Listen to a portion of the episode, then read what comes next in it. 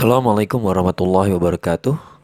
Apa kabar sahabat-sahabat malnutrisi semua? Jumpa lagi uh, dalam episode terbaru After Sahur uh, di episode ke-12 ya. Uh, di mana kita mendiskusikan hal-hal kecil seputar Ramadan. Tapi dari hal-hal kecil ini kita berharap bisa memperbaiki kualitas ibadah Ramadan kita.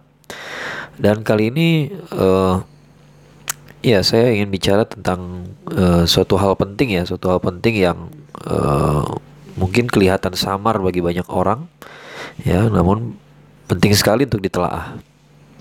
Jadi tahun 2019 uh, ya, uh, PBB mengeluarkan uh, hasil survei uh, Index of Happiness ya.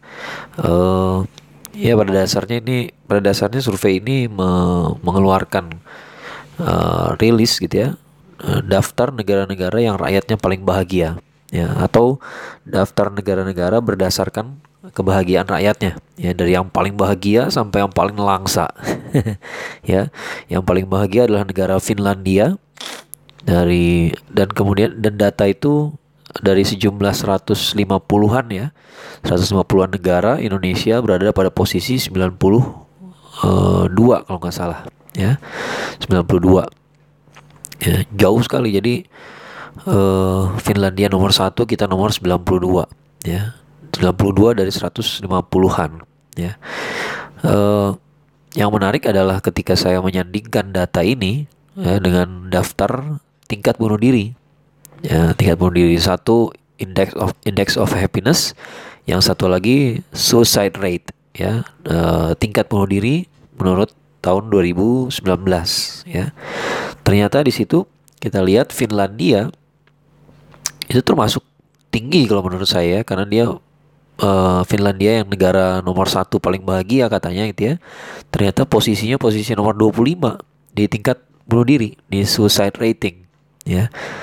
Indonesia uh, tingkat kebahagiaannya nomor 92 uh, dan ternyata di uh, suicide rating juga posisinya jauh uh, alhamdulillah ya kalau di, di di daftar yang kedua ini kita juga di posisi bawah sekali ya posisi bawah dari total 180-an uh, kita masuk dalam posisi uh, nomor 120-an ya kalau salah ya. ya jadi cukup jauh lah gitu ya nah uh, Finlandia negara yang katanya paling bahagia ternyata tingkat bunuh dirinya uh, ada sekitar 13 dari 200 ribu. Ya jadi dari 200 ribu orang ya ada sekitar uh, eh, 13 orang yang bunuh diri. Sedangkan di Indonesia ada sekitar 3, sekian ya. 3, sekian saja dari 200 ribu alhamdulillah ya. Nah uh, kenapa ini penting sekali untuk kita perhatikan? Karena di sinilah kita menyaksikan bagaimana uh, apa ya parameter bekerja ya. Kenapa sih kok bisa ada ini kan ada sebuah keanehan ya kenapa negara yang katanya paling bahagia ya ternyata tingkat bunuh dirinya lumayan tinggi ya. Walaupun ada yang lebih tinggi jauh sih ada gitu ya. Ada yang sampai 20-an ya uh, apa 20-an dari 200 ribu itu ada juga gitu ya. Ada yang lebih tinggi ya dia nomor 25 ya. Tapi Indonesia yang katanya kurang bahagia gitu ya. Ya negaranya tapi ternyata tingkat bunuh dirinya cukup rendah. Ya bahkan dalam dalam uh, apa dalam uh, daftar suicide rating itu juga ya dalam laporan itu uh, memang mereka juga bingung juga gitu. Kenapa? Karena di negara-negara yang uh, tinggi konfliknya ya mereka kasih contoh Afghanistan dan Irak gitu ya tingkat bunuh diri justru rendah ya Afghanistan tuh kalau nggak salah sekitar 4 ya dari dari 200 200 ribuan. Ya jadi nggak nggak nggak banyak gitu nggak jauh dari Indonesia. Ya. Nah ini uh, di sinilah pentingnya parameter. Kenapa? Karena uh, kebahagiaan di di indeks pertama itu didefinisikan menurut beberapa parameter. Parameternya misalnya adalah pendapatan per kapita uh, apa uh, persepsi terhadap korupsi, ya, kebebasan dan sebagainya, ya. Nah, yang menarik dari semua parameter yang digunakan untuk untuk uh, menghitung indeks kebahagiaan tadi, ya, nggak ada satupun yang uh, menyangkut keluarga, ya. Nggak ada satupun menyangkut keluarga. Nah inilah cara orang barat memandang kebahagiaan. Jadi buat mereka keluarga tuh udah nggak nggak relevan ya udah nggak relevan ya. Dan kita bisa melihat dari gaya hidup mereka sendiri kan ya sekarang bisa bayangkan nggak? Nih kalau kita balik logikanya ya bisa bayangkan nggak kalau dalam parameter kebahagiaan itu ada faktor keluarga? Kira-kira negara Eropa atau negara Barat ya Eropa dan Barat ya. Kan barat yang disebut barat itu bukan cuma Eropa doang ada Amerika Australia gitu ya. Kira-kira mereka masuk nggak dalam 10 besar? Ya ya kita tahu sendiri kondisi keluarga di di barat tuh seperti apa gitu ya. Ya jadi uh, kalau ngelihat da suatu sebuah tuh daftar hasil survei kita jangan langsung meyakini kebenarannya juga. Ya kita pertanyakan dulu apa parameternya? Kenapa anda bisa mengatakan Finlandia lebih bahagia daripada Indonesia? Ya. Nah, kalau menurut saya tingkat bunuh diri itu sudah apa lebih lebih lebih jelas lagi gitu ya.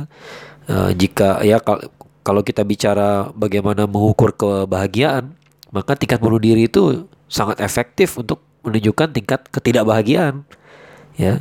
Jadi uh, apa ya ini bisa sebagai antitesis gitu. Kalau mengatakan Finlandia paling bahagia maka menurut saya nggak juga gitu ya.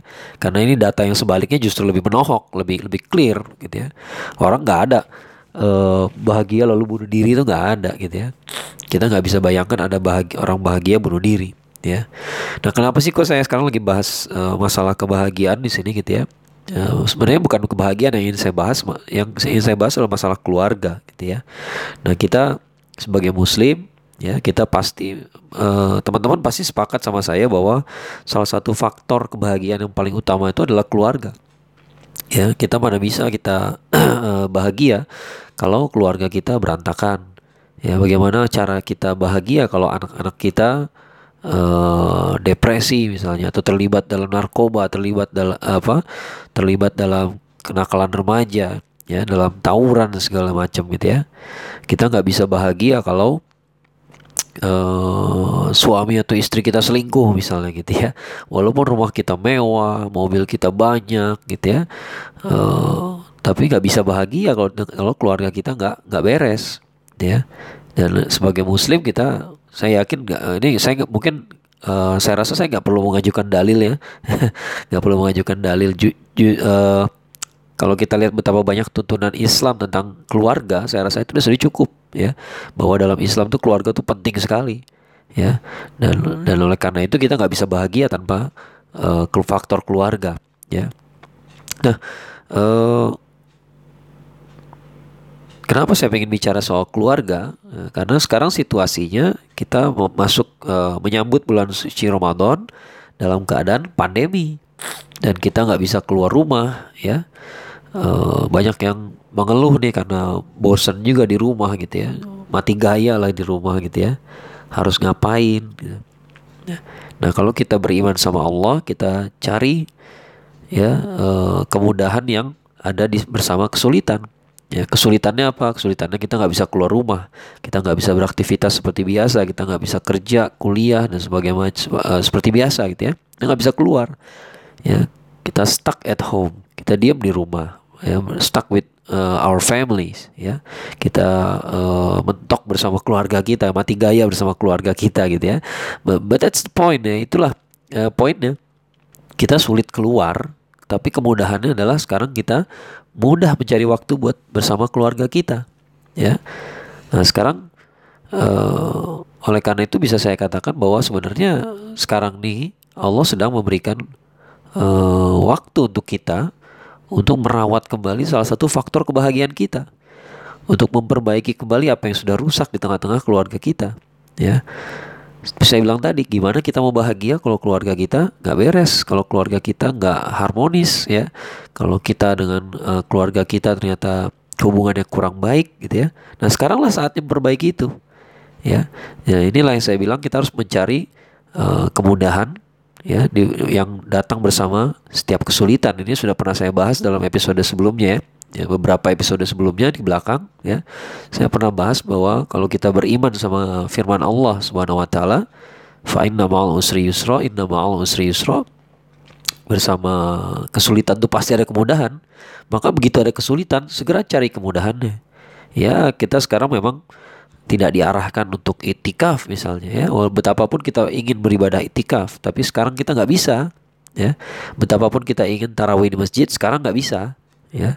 Lalu apa yang bisa? Yang bisa ini adalah sekarang kita menghabiskan waktu bersama keluarga kita, merawat kembali keluarga kita, uh, memperbaiki kembali hubungan kita bersama anggota keluarga. Sekarang itu yang bisa kita lakukan, ya. Apakah kelihatannya nggak penting? Kalau menurut saya sangat penting. Ya, seperti saya bilang tadi, kita nggak bisa bahagia tanpa keluarga. Ya, kita, saya rasa uh, kita bisa sangat mengkritisi index of happiness yang tadi saya bicarakan ya. Kenapa nggak ada faktor keluarga? Ya, nah oleh, oleh karena itu uh, jangan remehkan. Kalau kita lihat, misalnya di Amerika Serikat banyak kasus penembakan massal banyak anak sekolah yang depresi bawa senjata lalu tembak-tembakin temannya sendiri di sekolah gitu ya biasanya analisisnya berhenti pada bullying oh dia adalah korban bullying jadi dia depresi dia bawa senjata bapaknya dia tembakin teman-temannya di sekolah gitu ya tapi kalau menurut saya analisis di situ nanggung sekali kenapa harusnya mundur terus cari terus sampai ke akarnya kenapa sih karena menurut saya semua anak sekolah pernah dibully Ya, siapa sih orang yang nggak pernah dibully? Saya nggak mengatakan nggak nggak nggak nggak ingin meremehkan penderitaan orang ya. Ya, saya tahu bahwa bullying itu ada banyak yang keterlaluan ya. Saya setuju sekali. Saya setuju bahwa bullying ini harus dihentikan ya. Tapi di sisi lain saya juga bertanya-tanya, bukankah semua orang pernah dibully di sekolah? Ya termasuk saya juga gitu ya, biasa ya. Ya. Tapi kenapa ada orang yang sama sekali tidak punya resistensi, nggak punya kekuatan untuk melawan bullying? ya kenapa ada yang betul-betul nggak sanggup menahan itu sampai harus melakukan uh, penembakan massal gitu hal-hal yang begitu mengerikan seperti itu ya apa sih yang bikin jiwanya begitu lemah gitu ya nah ternyata uh, jadi sekali lagi ya kita bukan sedang meremehkan penderitaan orang ini justru sedang mencari akar masalah. Akar masalahnya apa? Kalau menurut saya ujung-ujungnya pasti keluarga. Ya pasti keluarga. Pasti keluarga yang kurang baik lah yang bikin uh, pertahanan dirinya uh, selemah itu. Nah teman-teman, uh, sahabat-sahabat malnutrisi semua, seperti saya katakan tadi, uh, sekarang ini kita uh, mungkin memang tidak punya kesempatan untuk tarawih di masjid, etikaf, uh, untuk buka bersama teman-teman, ya bersama keluarga atau bersama keluarga besar maksud saya gitu ya. Kalau keluarga di rumah iyalah tiap hari kita buka bersama ya. Kita mungkin gak punya kesempatan untuk mudik tahun ini gitu ya. Tapi kita punya kesempatan yang seluas-luasnya untuk membangun kembali uh, benteng pertahanan keluarga kita. Kita punya kesempatan seluas-luasnya untuk membangun, untuk memperbaiki kembali faktor kebahagiaan kita, ya, yaitu keluarga. Ya, nah jangan sia-siakan kesempatan ini. Ramadan, Ramadan kali ini ya adalah tentang keluarga. It's all about family. Sampai jumpa pada episode after sahur berikutnya. Uh, Assalamualaikum warahmatullahi wabarakatuh.